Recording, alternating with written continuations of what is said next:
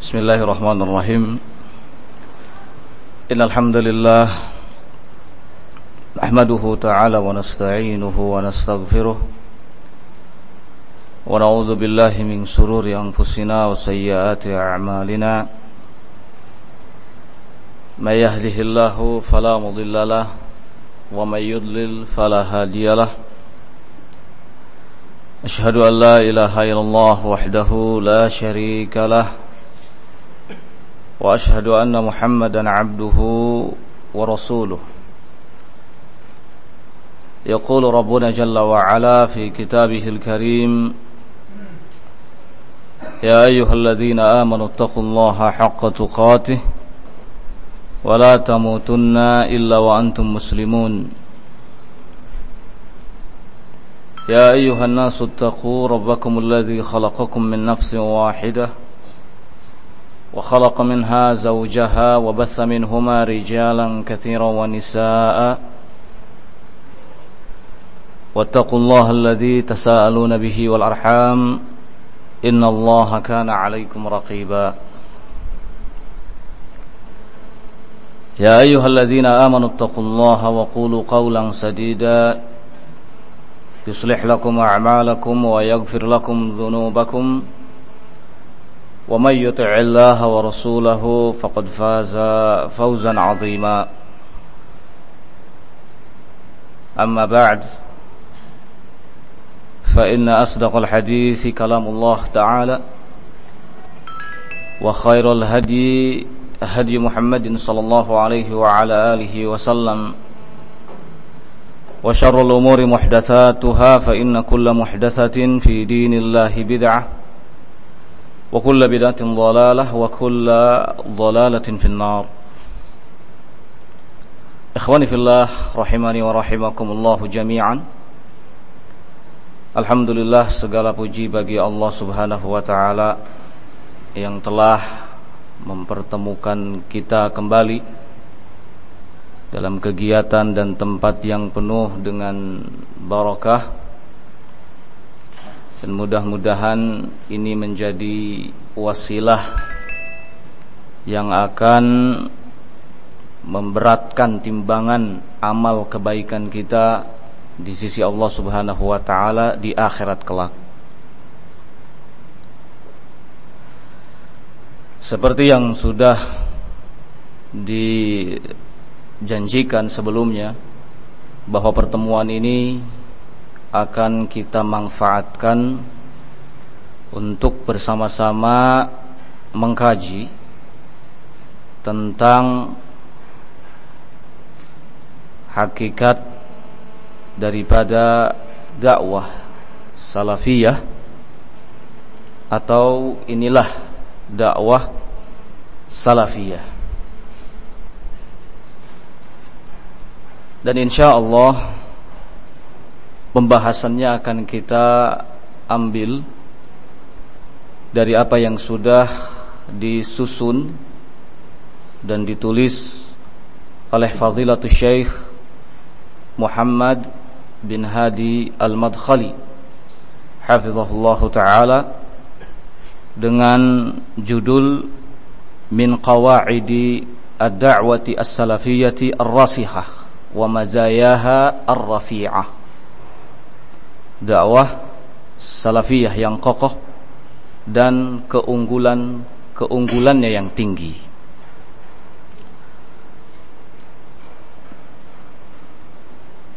Dalam tulisannya ini Syekh Muhammad bin Hadi Al-Madkhali hafizahullah taala menyebutkan beberapa poin penting terkait dengan gambaran tentang dakwah salafiyah. Maka untuk mempersingkat waktu kita akan langsung mulai menyebutkan poin-poin yang disebutkan oleh beliau hafizahullah taala. Poin yang pertama. Da'watul muslimina wal muslimat liyastajibu linida'i rabbihim al-malikil haqqil mubin. Wa da'watu nabiyyihim an-nasih al-amin وذلك بالرجوع الصادق المخلص إلى الكتاب العزيز والسنة المطهرة في كل شأن من شؤونهم على منهاج السلف الصالح وأتباعهم من العلماء الربانيين. mengajak kaum muslimin dan muslimat untuk memenuhi panggilan Rabbnya. Dan memenuhi seruan nabinya yang terpercaya yaitu dengan kembali kepada Al-Quran kitab yang mulia dan sunnah yang suci. Dalam segenap urusan-urusannya di atas manhaj salafus salih dan para pengikutnya dari kalangan para ulama rabbani. Maka ikhwani fiddin rahimani wa rahimakumullah jami'an inilah gambaran pertama dari dakwah salafiyah mengajak umat Islam untuk kembali kepada Quran dan Sunnah dengan pemahaman salaful ummah dan para pengikutnya dari kalangan para ulama Rabbani. Dakwah salafiyah bukanlah dakwah yang mengajak umat untuk bergabung dan masuk dalam sebuah organisasi Oleh karena itu dakwah salafiyah tidak menekankan para pengikutnya agar memiliki kartu anggota. Tidak ada istilah dalam dakwah salafiyah wajib bagi para pengikut dakwah ini memiliki kartu anggota. Kalau tidak maka dicoret dari dakwah ini. Dakwah salafiyah bukanlah dakwah yang mengajak umat untuk bergabung ke dalam sebuah jamaah. Sehingga dakwah salafiyah tidak menuntut para pengikutnya untuk berbaiat kepada yang menjadi pimpinan jamaah. Gak ada istilah baiat kepada pimpinan jamaah dalam dakwah salafiyah. Dakwah salafiyah adalah dakwah yang murni mengajak umat untuk kembali kepada Quran dan Sunnah dengan pemahaman salafus saleh, pemahaman para ulama dan selesai. Sebatas itu saja. Terserah anda tinggal di mana. Terserah anda tinggal di daerah mana, terserah anda tinggal di negara mana. Jika anda mengupayakan dalam kehidupan anda kembali kepada Quran dan Sunnah dengan pemahaman salafus saleh, dan bimbingan para ulama, maka secara otomatis Anda akan tergabung ke dalam dakwah salafiyah.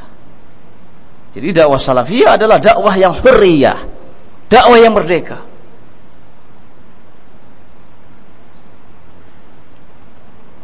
Tuntutan utamanya yang diajukan kepada para pengikut dakwah salaf ini adalah mau kembali kepada Quran dan Sunnah. Dan inilah yang dimaukan oleh Allah Subhanahu wa taala. Ya ayyuhalladzina amanu stajibu lillahi wa lirasuli. Idza da'akum lima yuhyikum. Wahai orang-orang yang beriman, penuhilah seruan Allah dan seruan Rasulnya. Ketika Allah dan Rasulnya menyeru kalian kepada sesuatu yang akan memberikan kehidupan bagi kalian kehidupan lahir dan kehidupan batin. Ini poin pertama, ikhwanu fiddin rahimani wa rahimakumullah jami'an. Berikutnya poin yang kedua, al-hirsu ala al-ilmi bil haqqi min masdarihi al-asil. Wa nashruhu li ahli al-ardi rahmatan bil khalqi wa iqamat al-hujjah.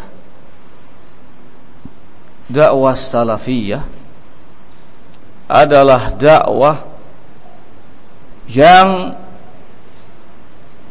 mengajak untuk bersungguh-sungguh mengetahui kebenaran dari sumber aslinya yaitu Al-Quran dan As-Sunnah kemudian menyebarkan kebenaran itu kepada seluruh penduduk bumi sebagai bentuk kasih sayang terhadap makhluk dan sebagai bentuk iqamatul hujjah, menegakkan hujjah.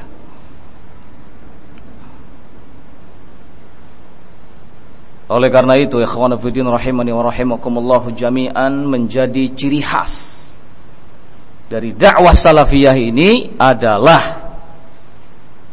at-ta'limu wa ta'allum. Belajar ilmu agama dan mengajarkannya. Ini menjadi ciri khas dari dakwah salafiyah. Ke mana pun anda pergi, jika di sana anda menemukan ada dakwah salafiyah, maka perhatian utama mereka adalah terhadap ilmu agama. Dan ini bisa kita buktikan. Silahkan bertanya kepada diri kita masing-masing.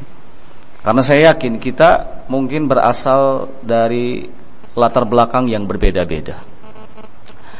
Ada salah satunya pernah ikut sebuah organisasi atau jamaah yang senangnya mondar mandir ke sana kemari. Ada mungkin yang pernah ikut kelompok pengajian ya yang tertutup tidak pernah diketahui oleh orang.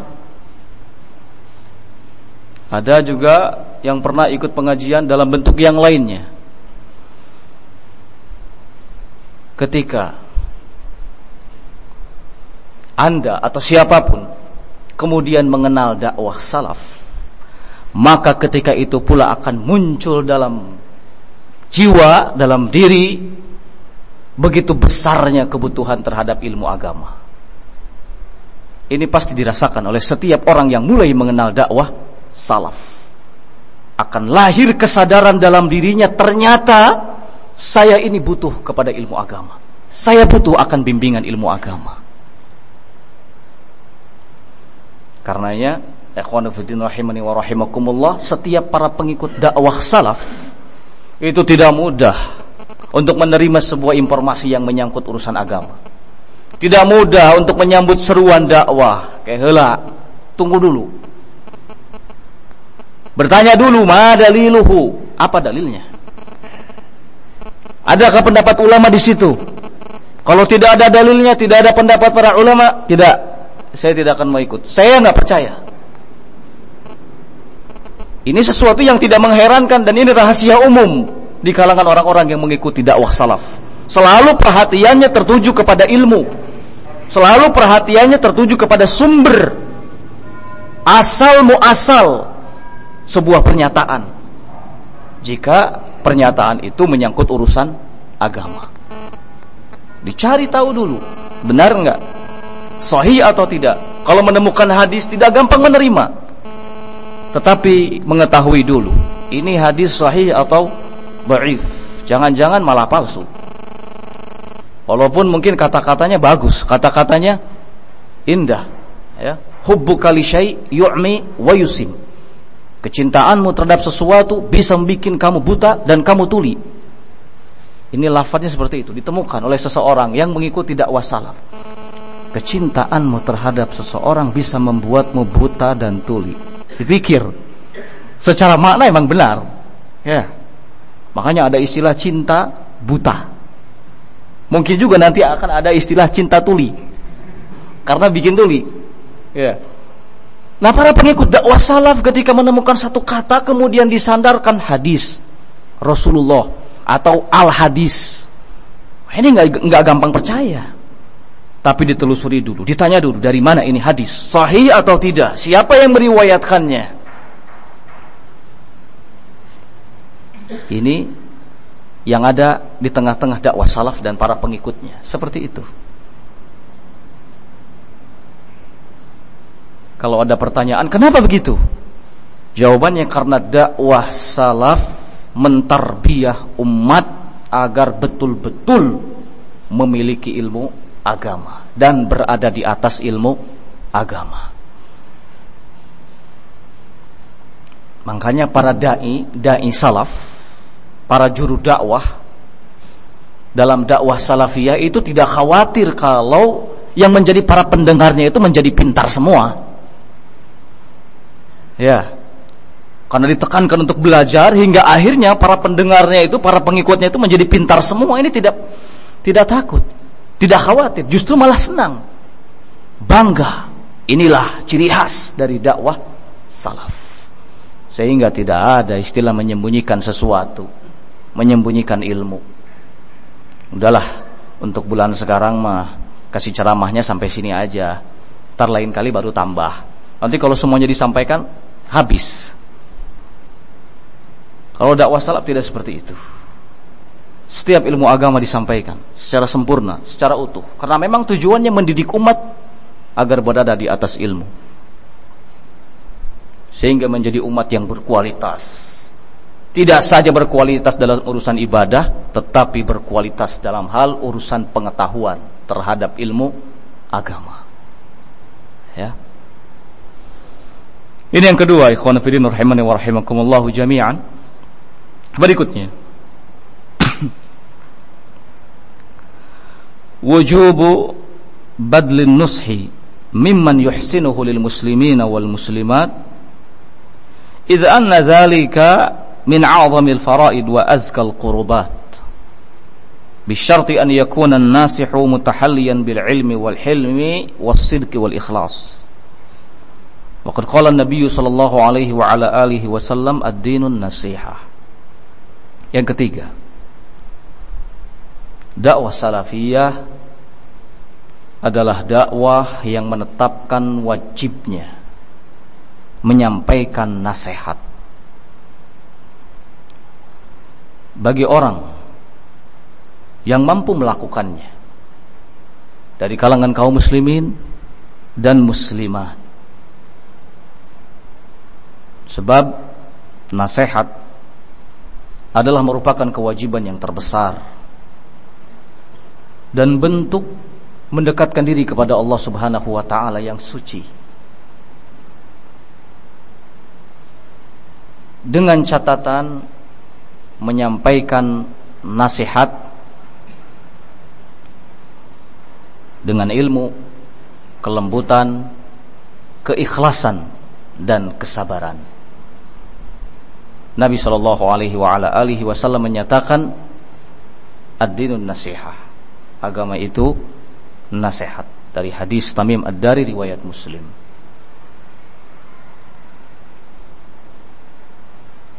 Ini gambaran yang ketiga tentang dakwah salafiyah. Dakwah salafiyah sekali lagi menetapkan wajibnya menyampaikan nasihat. Bagi kaum muslimin dan muslimat karena nasihat adalah merupakan pilar agama tiangnya agama. Kalau tidak ada nasihat maka hancurlah agama ini. Allah menyatakan wa tawassaw bil haq wa tawassaw bis sabr hendaknya kalian saling wasiat dalam hal kebenaran dan wasiat dalam hal kesabaran Dan di dalam hadis Nabi tadi telah menyatakan bahwa agama adalah nasihat. Ini setidaknya memberikan gambaran lain kepada kita bahwa ternyata dakwah salafiyah tidak sekedar bertujuan mencetak umat menjadi umat yang saleh. Tetapi dakwah salafiyah adalah dakwah yang mengupayakan umat di samping soleh juga mampu menebar kesolehan bagi sesamanya.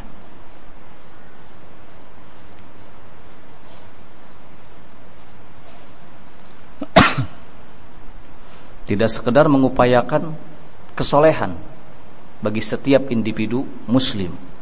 Tapi juga mengupayakan supaya si muslim tadi bisa menebar kesolehan bagi sesamanya sehingga menjadi orang yang soleh dan muslih.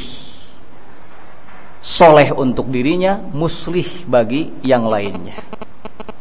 Baik dan melakukan perbaikan. Saleh wal muslih.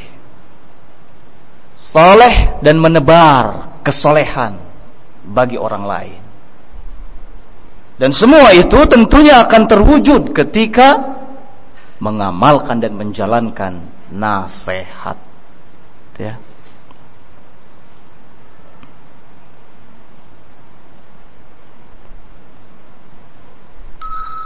Dan ini memang yang dikehendaki oleh syariat, oleh Islam agar di samping kita mendidik diri menjadi pribadi yang soleh juga mampu menebar kesolehan bagi yang lain tidak mementingkan diri sendiri tetapi juga ada keinginan untuk menyelamatkan orang lain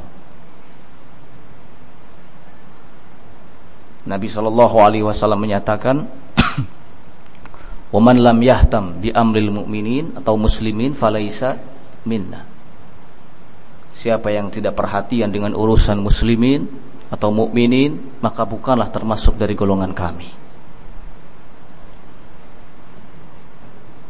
Kemudian berikutnya.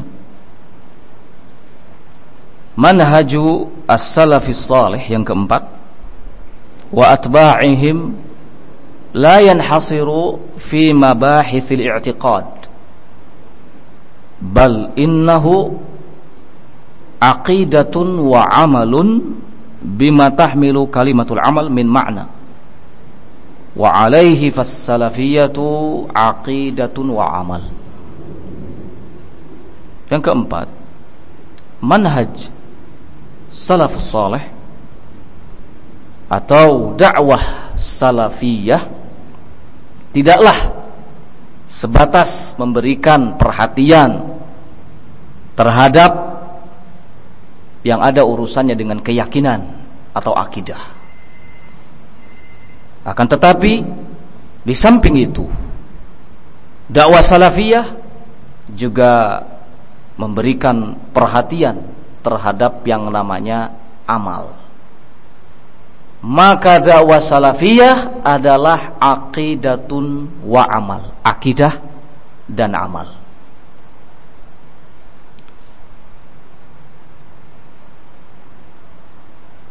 Jadi ikhwan fillah rahimani wa rahimakumullah jami'an dakwah salafiyah di samping menanamkan prinsip-prinsip yang ada hubungannya dengan keyakinan, keimanan terhadap Allah, keimanan terhadap Rasul, keimanan terhadap kitab-kitabnya, keimanan terhadap malaikatnya, keimanan terhadap hari akhir, keimanan terhadap qada dan qadar, juga mendidik umat agar mau beramal. Sebab Islam tidak hanya sebatas pengakuan tetapi harus ada realisasi dari pengakuan tersebut yaitu berupa amal. Ya.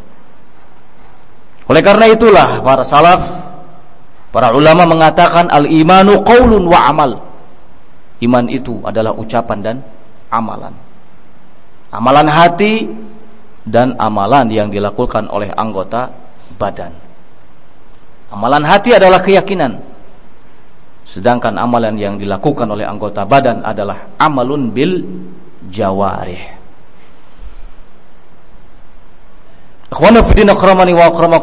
Jami'an. Ini juga memberikan faidah lain kepada kita.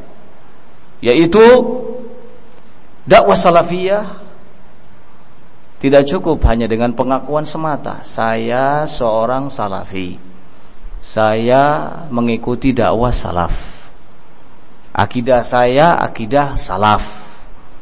Tapi amalannya jauh dari ajaran-ajaran para salaf. Nggak bisa diterima pengakuan yang seperti ini. Ya. Kan banyak, tidak sedikit. Dakwah kami adalah dakwah salaf, menyeru kepada Quran dan sunnah di atas pemahaman salaful ummah.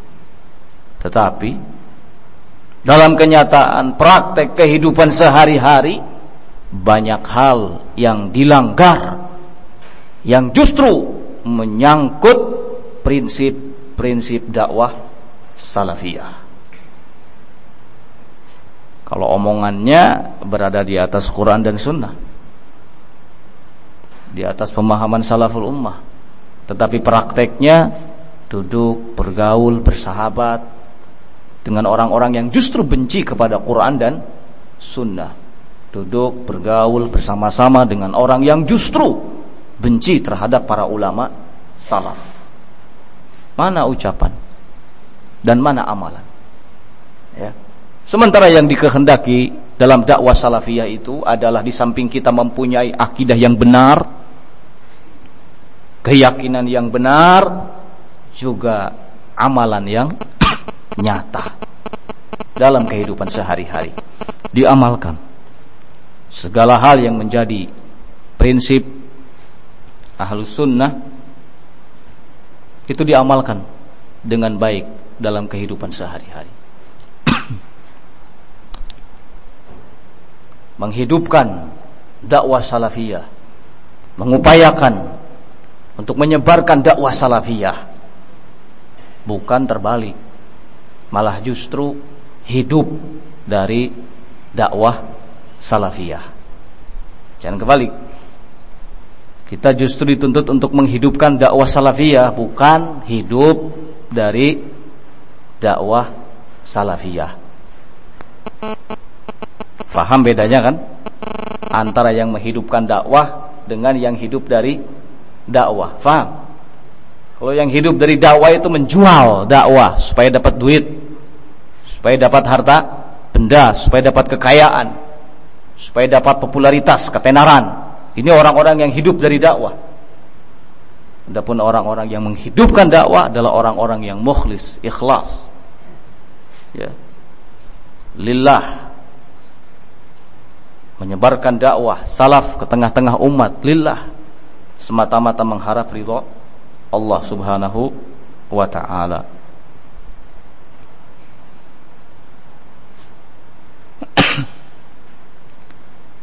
Poin yang ke lima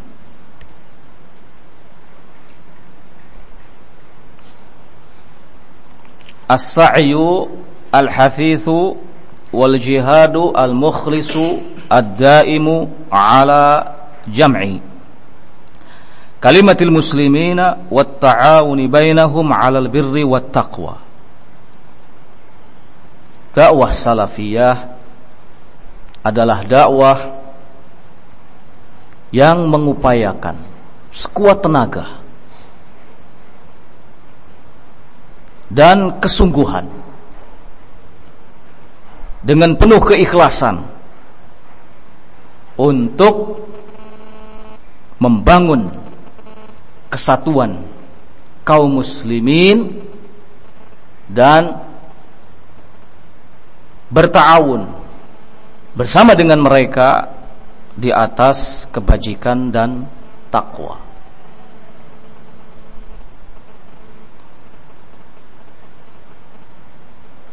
Jadi ikhwan fillah rahimani wa rahimakumullah jami'an dakwah salaf adalah dakwah yang jelas tujuannya.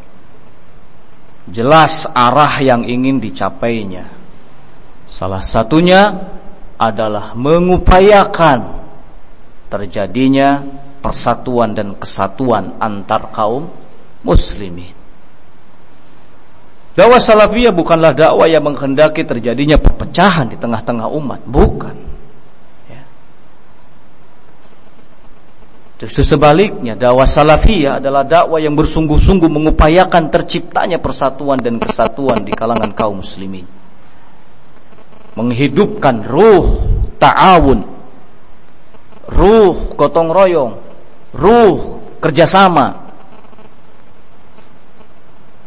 dalam hal kebajikan dan takwa.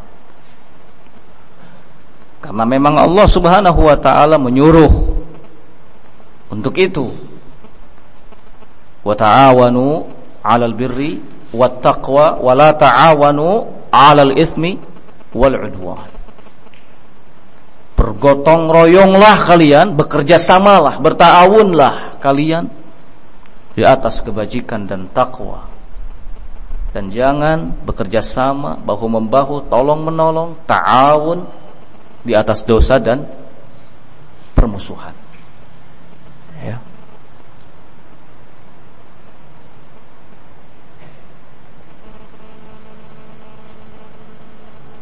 Tetapi ikhwanu fillah akramani wa akramakumullahu jami'an persatuan dan kesatuan yang dikehendaki oleh dakwah salafiyah bukan sekedar menyatu dalam artian saling mentolerir perbedaan keyakinan. Bukan. Bukan itu. Oleh karenanya dakwah salafiyah mempunyai acuan tersendiri. Mempunyai dasar yang menjadi pijakan dalam mempersatukan umat. Hal ini seperti yang diuraikan kembali oleh Syekh Muhammad bin Hadi Al-Madkhali hafizahullah taala.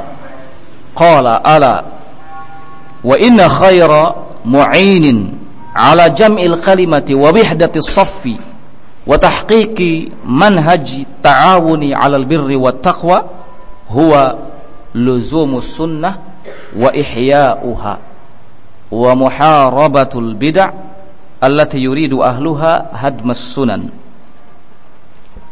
Ketahuilah kata beliau bahwa sebaik-baik penopang untuk menyatukan kaum muslimin dan mempersatukan barisannya serta mewujudkan konsep kerjasama dan ta'awun di atas kebajikan dan takwa adalah berpegang teguh kepada sunnah dan menghidupkannya serta memerangi segala hal yang bertolak belakang dengan sunnah salah satunya adalah kebidahan. Dan memerangi para pelakunya. Ini konsep kerjasama. Konsep ta'awun dalam dakwah salafiyah. Konsep mempersatukan umat dalam dakwah salafiyah yaitu harus di atas sunnah. Sunnah dalam artian ajaran Rasulullah Shallallahu Alaihi Wasallam secara utuh dan sempurna. Ya. Tidak sebagian sebagiannya tapi secara keseluruhan secara utuh. Ini yang menjadi acuannya. Ini yang dijadikan landasan dalam dakwah salafiyah untuk mempersatukan umat, yaitu di atas sunnah. Karena inilah jalan yang akan menyelamatkan.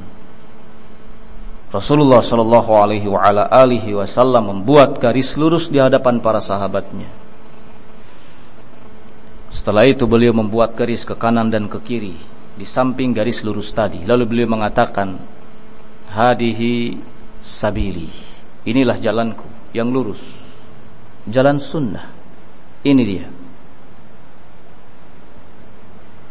Ini yang harus kalian jadikan sebagai landasan dan dasar pijakan kalian. Jangan mengikuti jalan-jalan yang lain, jangan mengikuti konsep-konsep yang lain. Karena konsep-konsep selain sunnah itu sudah pasti merupakan buatan olahan manusia. Kalau sunnah itu konsep buatan Allah Subhanahu wa taala. Wa ma yantiqu 'anil hawa in huwa illa wahyun yuha. Dia Nabi Shallallahu alaihi wasallam tidak berbicara dari hawa nafsunya. Akan tetapi apa yang beliau sampaikan, apa yang beliau ajarkan sebagai sunnah, sebagai satu ajaran yang harus diikuti adalah wahyu semata yang datang dari sisi Allah Subhanahu wa taala. Jadi tidak ada konsep yang paling baik selain sunnah Nabi sallallahu alaihi wasallam. Menggunakan konsep apa pun untuk menyatukan umat dan mewujudkan ta'awun kerjasama di antara mereka itu tidak akan pernah berhasil. Ya. Tidak akan pernah berhasil atau katakanlah tidak akan ada hasilnya walaupun berhasil berhasil tetapi tidak ada hasilnya kan beda antara yang berhasil tapi memang hasil dengan yang berhasil tetapi tidak ada hasilnya.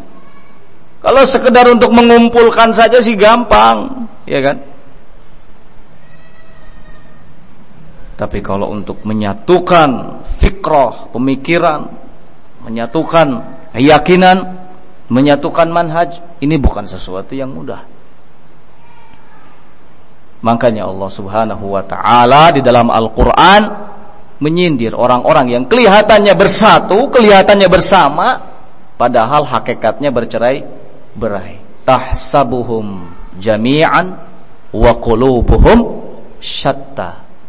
Kamu mengira mereka itu bersatu, berkumpul, padahal sesungguhnya hati-hati mereka bercerai berai.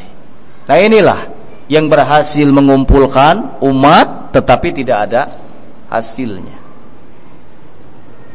Ya.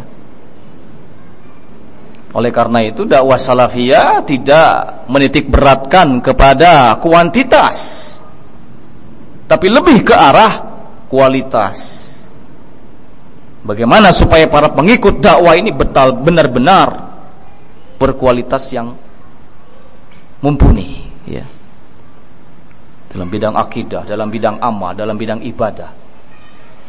Tidak memperhatikan kepada jumlah, kuantitas, beda dengan dakwah-dakwah yang lainnya.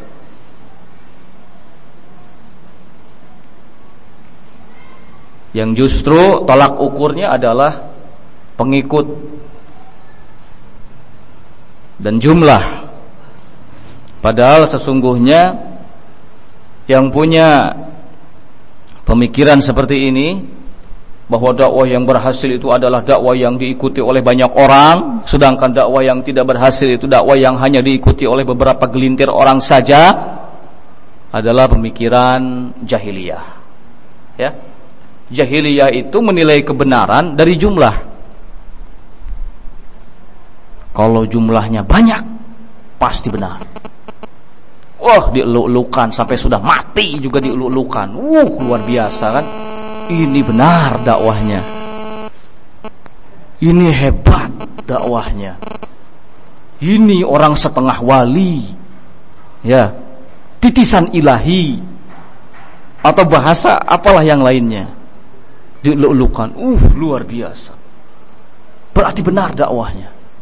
Padahal menilai benar dan salah suatu dakwah tidak dari segi jumlah pengikut atau orang-orang yang senang.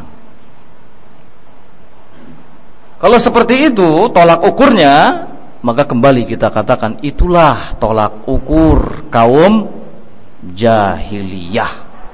Kenapa mereka tidak mau mengikuti dakwah yang diusung oleh Nabi Shallallahu Alaihi Wasallam? Jawabannya adalah karena para pengikut Nabi jumlahnya sedikit. Sudah sedikit dari kalangan duafa lagi, orang-orang yang lemah. Sudah. Ini sebagai bukti kalau Muhammad itu gagal dakwahnya. Dakwah yang disebarkan oleh Muhammad itu tidak benar.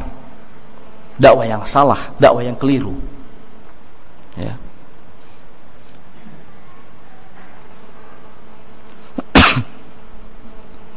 Jadi ikhwan fillah akramani wa akramakumullah jami'an. Sekali lagi Dakwah salafiyah adalah dakwah yang begitu perhatian untuk menyatukan umat dan mewujudkan adanya ta'awun kerjasama di tengah-tengah mereka di atas landasan sunnah. Kalau sudah landasannya sunnah itu tidak akan pernah ada eh, gesekan-gesekan yang disebabkan oleh pemikiran. Kenapa? Karena semuanya tunduk patuh di hadapan sunnah tunduk patuh di hadapan aturan syariat. Kalau datang syariat ada dalilnya memerintahkan harus seperti itu, maka semua dengan serempak akan sami'na wa ata'na. Mengamalkan. Kalau organisasi kan nggak seperti itu. Kalau sebuah organisasi Islam kan nggak seperti itu. Ada yang menemukan hadis, uh, baca dia hadis, ada hadis bab larangan memanjangkan celana di bawah mata kaki. Dibaca hadisnya. Uh, ternyata tidak boleh. Tidak boleh isbal, tidak boleh menutupi mata kaki. Celana atau kain sarung atau gamis. Lapor akhirnya kan. Saya menemukan hadis ini, bagaimana? Diamalkan atau tidak? Kata pimpinannya, tidak usah.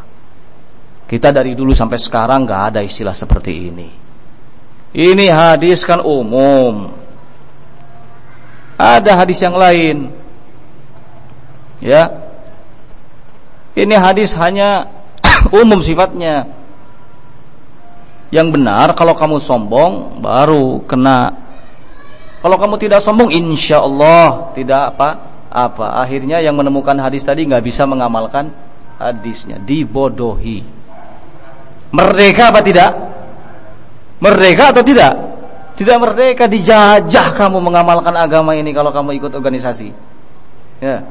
Dijajah kamu, nggak punya kebebasan. Padahal apa yang ditemukan itu betul-betul hadis Rasulullah SAW yang sahih. Gak bisa mengamalkan. Kalau kemudian memaksakan diri untuk mengamalkannya, bisa-bisa dipecat kamu. Kalau ternyata yang menemukan hadis ini seorang dai, dicopot itu kedaiannya ya. Dipensiunkan pensiun dini dari juru dakwahnya. Iya apa yang saya kemukakan bukan satu kedustaan atau satu hal yang dibuat-buat tapi ini sesuatu yang saya temukan sendiri ya di mana seseorang walhamdulillah bitaufikillah hadir di majelis Padahal sebagai salah satu dai dari sebuah organisasi Islam. Datang pengajian sekali, dua kali, belum berubah, tiga kali. Begitu kesekalian kalinya sudah berubah. Pakaiannya berubah, tampilannya berubah. Tunduk patuh, muncul kesadaran bahwa saya harus tunduk di atas di hadapan perintah Allah, di hadapan syariat. Akhirnya ketahuan dia sendiri yang cerita, ketahuan. Padahal orang ini, oh siapa yang tidak kenal dirinya? Mengisi sejumlah stasiun radio, terkenal di mana-mana, punya masa. Tapi karena ada hal yang seperti itu, akhirnya dipensiunkan. Tarik, dicopot, tidak boleh mengisi di sini, tidak boleh di sini, tidak boleh sampai di radio pun dilarang. Tapi alhamdulillah sampai sekarang orangnya tetap istiqomah. Karena sudah paham begitu nikmat bergabung dalam dakwah salafiyah. Begitu bebasnya saya untuk menjalankan perintah syariat. Ketika mengenal dakwah salafiyah.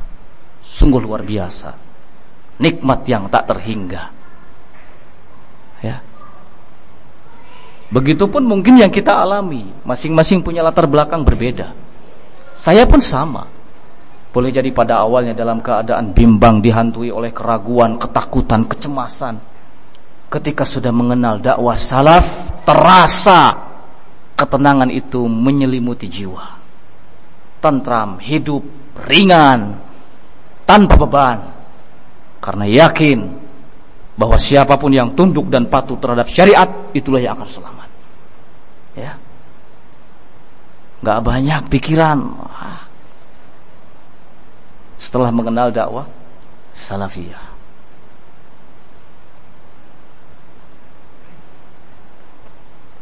Poin yang berikutnya ke enam.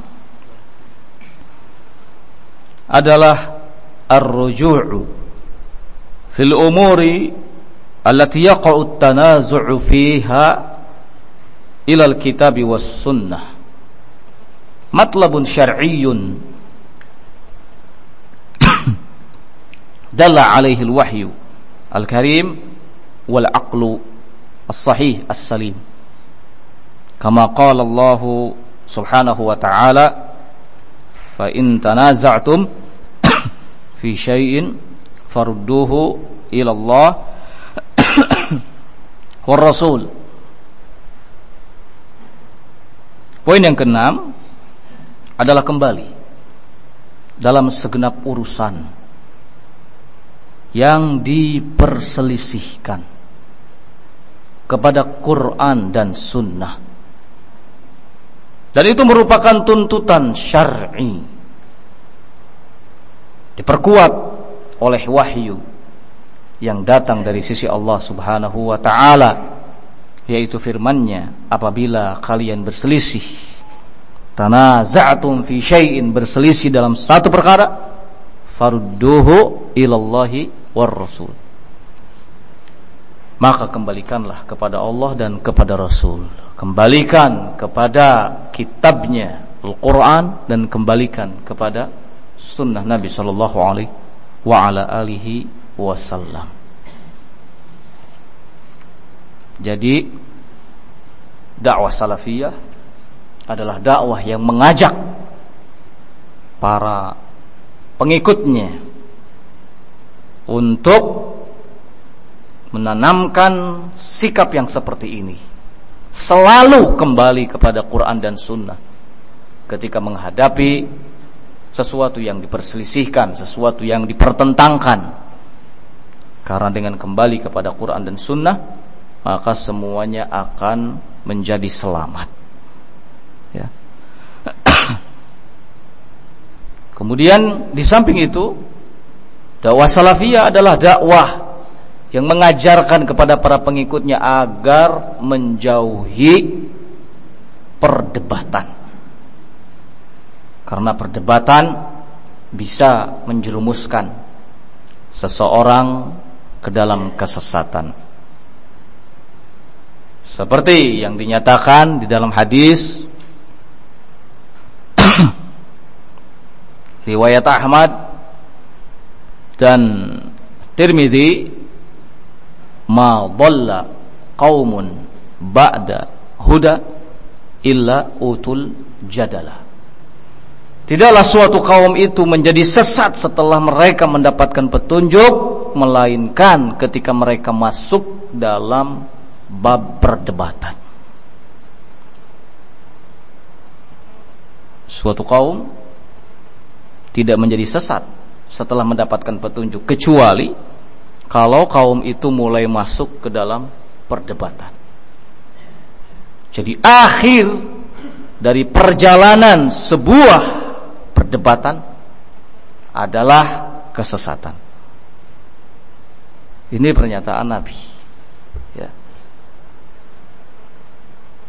sehingga dakwah salafiyah tidak menjadikan perdebatan sebagai salah satu metode dakwahnya karena ada sekarang ini yang sebagian dakwah menjadikan debat sebagai metode dakwahnya.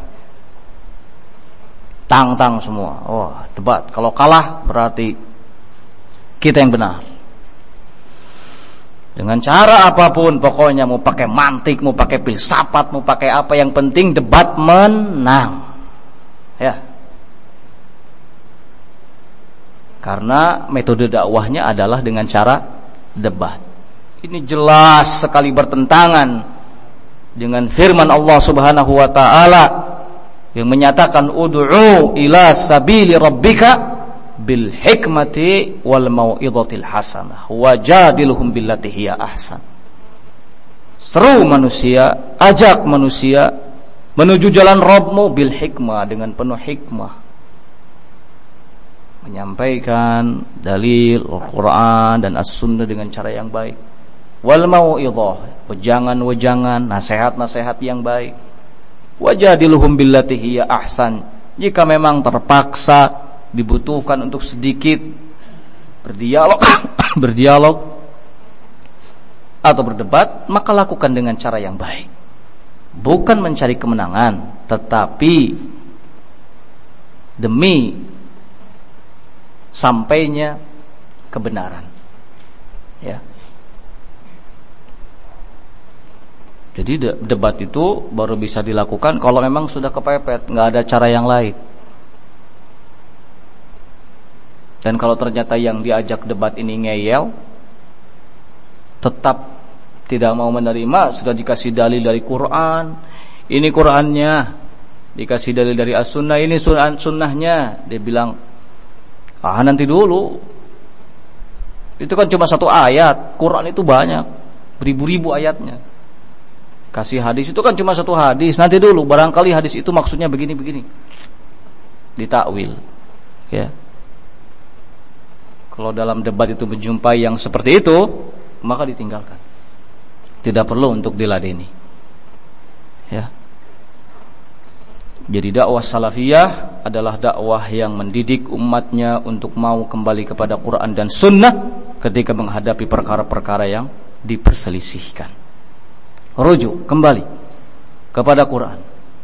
Kalau tidak ada dari Al-Quran kembali kepada Sunnah. Jika tidak ada dari Sunnah kembali kepada akwal para sahabat akwal para ulama terus begitu. Dan dakwah salafiyah yang seperti ini itu sudah terjadi sejak dulu.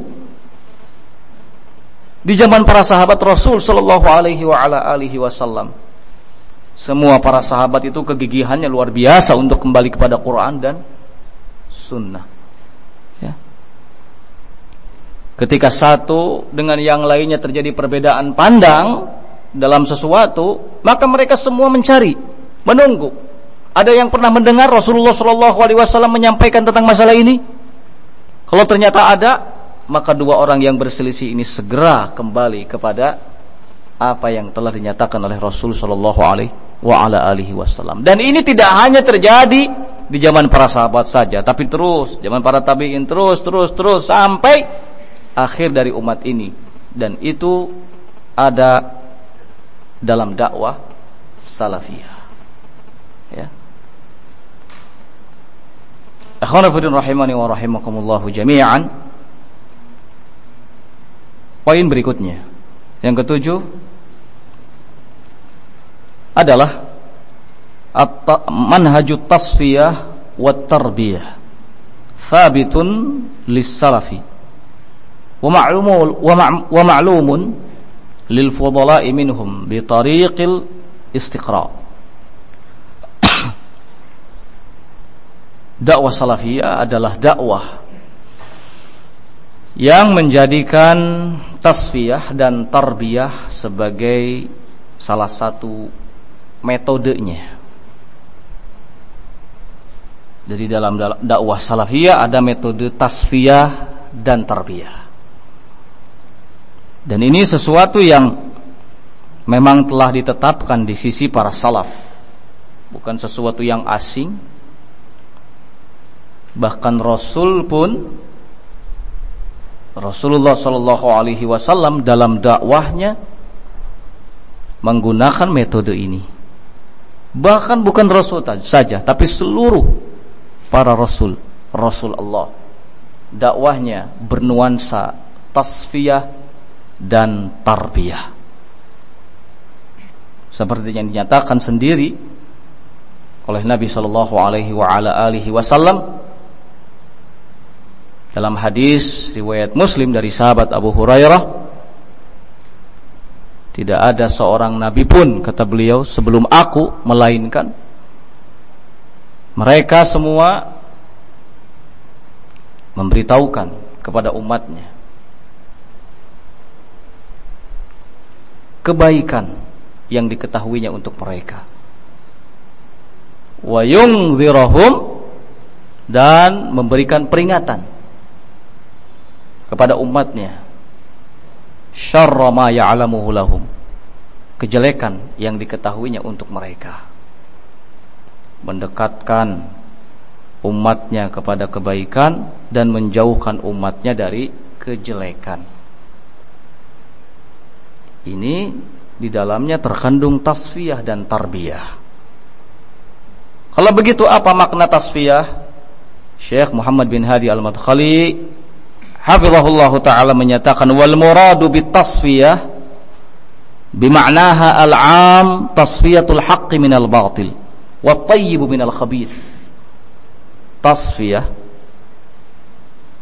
makna umumnya adalah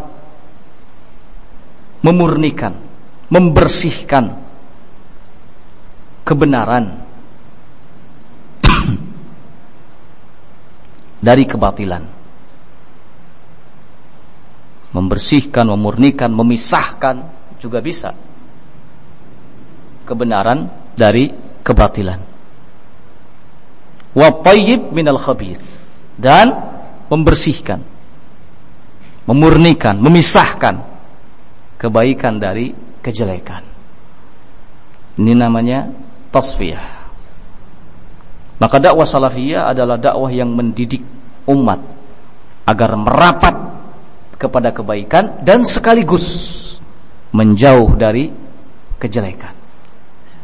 Dakwah salafiyah adalah dakwah yang mengajak umat agar merapat kepada sunnah dan sekaligus menjauh dari bid'ah. Ya. Dakwah salafiyah adalah dakwah yang mengajak umat untuk merapat kepada kebenaran dan sekaligus menjauh dari yang namanya kebatilan. Dan inilah yang dikehendaki oleh Allah Subhanahu wa taala. La talbisul haqqa bil batil. Jangan kalian campur adukan antara kebenaran dengan kebatilan. Gak boleh dicampur. Jadi harus terpisah. Supaya jelas. Supaya diketahui, oh ini baik, ini buruk. Oh ini hak, ini batil. Oh ini sunnah, ini bid'ah. Oh ini tauhid, ini syirik. Nah dakwah salafiyah itu mengupayakan ini. Memurnikan memisahkan antara yang baik dengan yang jelek, yang hak dengan yang batil. Supaya umat bisa melek. Tahu melek? Bisa bentak mencek orang Sunda mah. Bisa melihat dengan jelas gitu ya. Bisa berotot. Bisa melihat dengan jelas ini yang baik, ini yang buruk. Oh, ini sunnah, ini bid'ah. Nah kalau sudah seperti itu maka umat akan terbimbing dengan baik, ya kan? Karena mereka tahu yang baik itu mana, akhirnya semua merapat kepada yang baik. Karena secara fitrah manusia itu tidak suka kepada yang namanya kejelekan, ya kan? Secara fitrah. Nggak ada yang mau bersenang-senang dalam kejelekan. Fitrahnya semua ingin baik. Fitrahnya semua ingin damai. Gak mau, gak mau yang berbau keributan. Hanya saja terkadang jarang ada yang bisa membimbing mereka. Jarang ada yang bisa memperlihatkan di hadapan mereka ini loh kebenaran. Ini loh kebatilan. Nah, kalau mereka tahu biiznillah, bitaufiqillah mereka akan mendapatkan hidayah, berjalan menuju kebaikan dan kebenaran. Ini terkait dengan tasfiyah. Kemudian berikutnya, ikhwan fillah karamakumullah. Wa ammal muradu bit tarbiyah fahiya da'watu jami'il mukallifin mukallafin liyata'addabu wa yatakhallaqu bima anzalahu lahum rabbuhum ala abdihi wa rasulihi sallallahu alaihi wa ala alihi wasallam liyakuna lahum khuluqan wa adaban wa sulukan.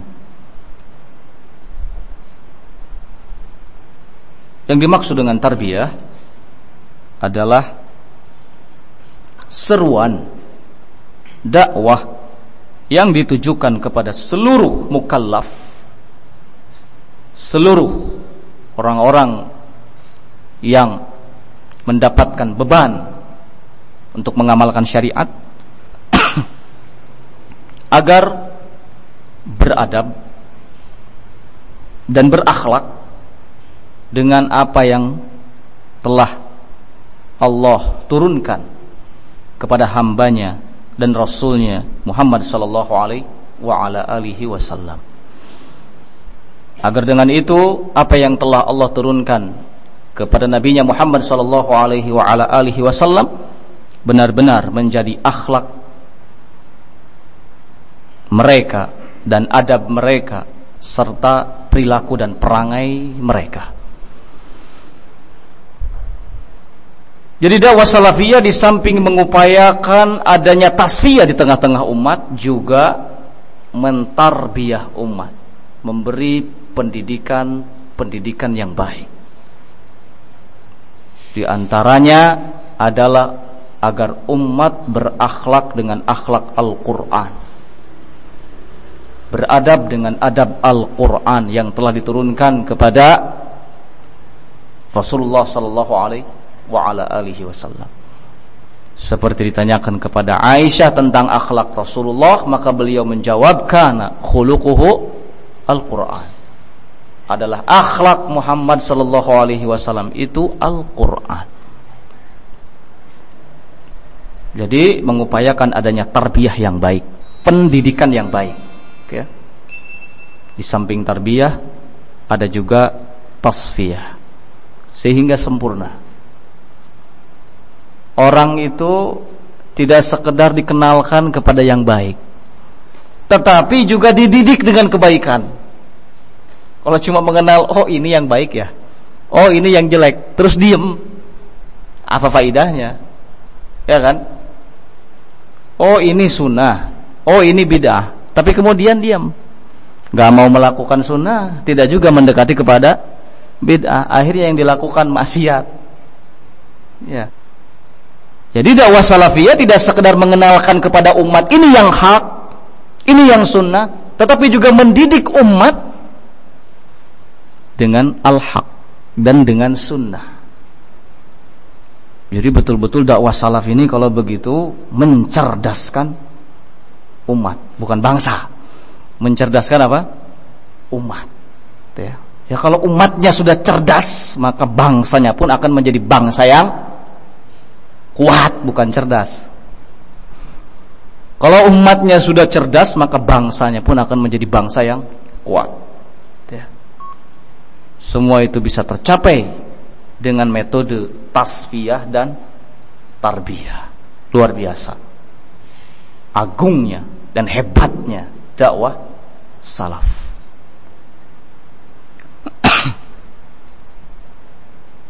Selanjutnya poin yang ke-8 atau sudah? Jam berapa? Poin yang ke-8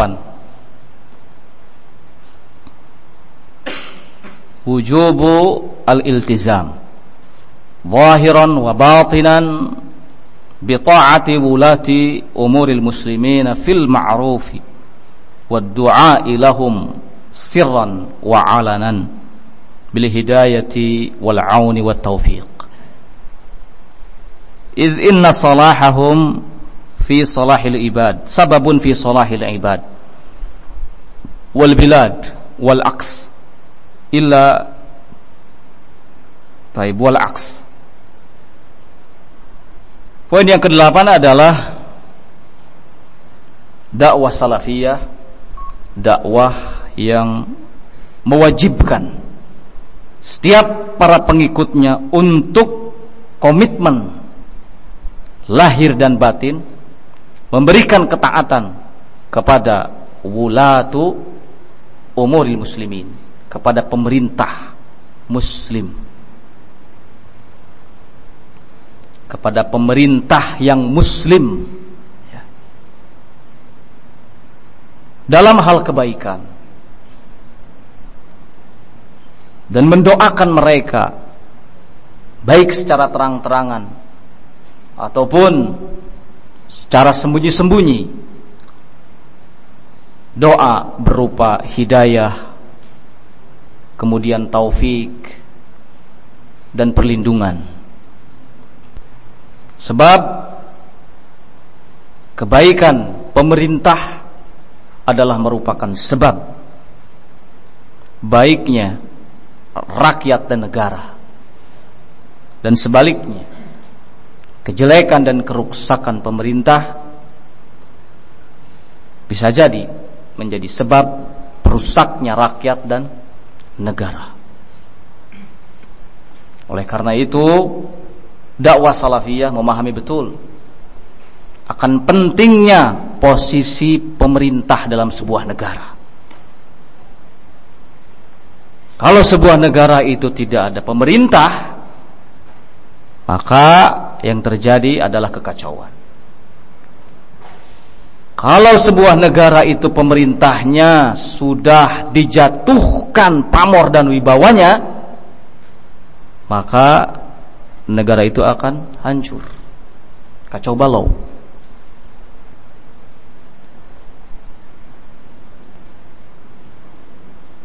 Untuk itulah maka dakwah salafiyah datang mengajak umat agar komitmen lahir dan batin memberikan ketaatan kepada wulatul umur kepada pemerintah muslim.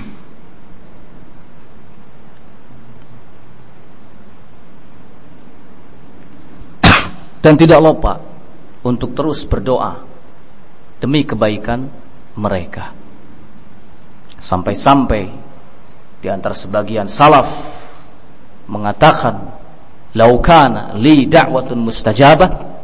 Seandainya aku punya doa yang pasti diijabah, doa yang mustajab, tentu aku akan serahkan doa ini untuk waliul amr.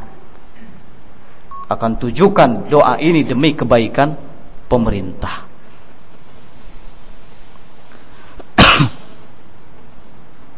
Kemudian Syekh Muhammad bin Hadi Al-Madkhali hafizahullah taala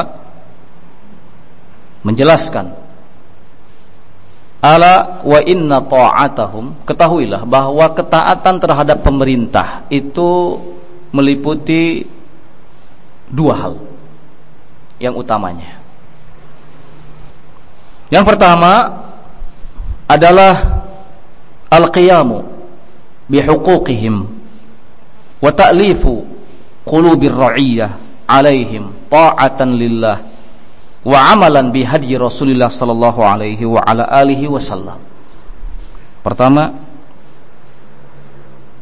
menunaikan apa yang menjadi haknya pemerintah dan mengajak seluruh rakyat agar bersatu di bawahnya sebagai bentuk ketaatan terhadap Allah dan mengamalkan petunjuk Rasulullah sallallahu alaihi wa ala alihi wasallam. Sebab Allah dalam Al-Qur'an menyatakan ya ayyuhalladzina amanu athi'ullaha wa athi'ur rasul wa ulil amri minkum. Wahai orang-orang yang beriman, taatlah kalian kepada Allah dan kepada Rasul dan kepada ulil amri dari kalangan kalian. Rasulullah sallallahu alaihi wasallam menyatakan, "Usikum bi taqwallah was-sam'i wat ta'ah wa in ta'ammara 'alaikum 'abdun habasyi." Aku wasiatkan kepada kalian agar bertakwa kepada Allah dan senantiasa menampakkan ketaatan dan sikap mendengar untuk siapa saja yang memimpin urusan kalian. Jadi dalam rangka mengamalkan petunjuk Rasul dan bentuk ketaatan kepada Allah, maka tunaikan apa yang menjadi hak pemerintah dan ajak seluruh rakyat untuk bergabung di bawahnya, bersatu di bawahnya. Ini semua sebagai bentuk ketaatan terhadap waliul amr, pemerintah. Yang kedua, ketaatan kepada pemerintah berarti adamul khuruj alaihim tidak melakukan pemberontakan terhadap mereka bi ayyi wasilatin min wasail khuruj dengan sarana apa pun atau dalam bentuk apa pun baik itu dengan senjata ataupun dengan perkataan yang mengandung provokasi. Ya.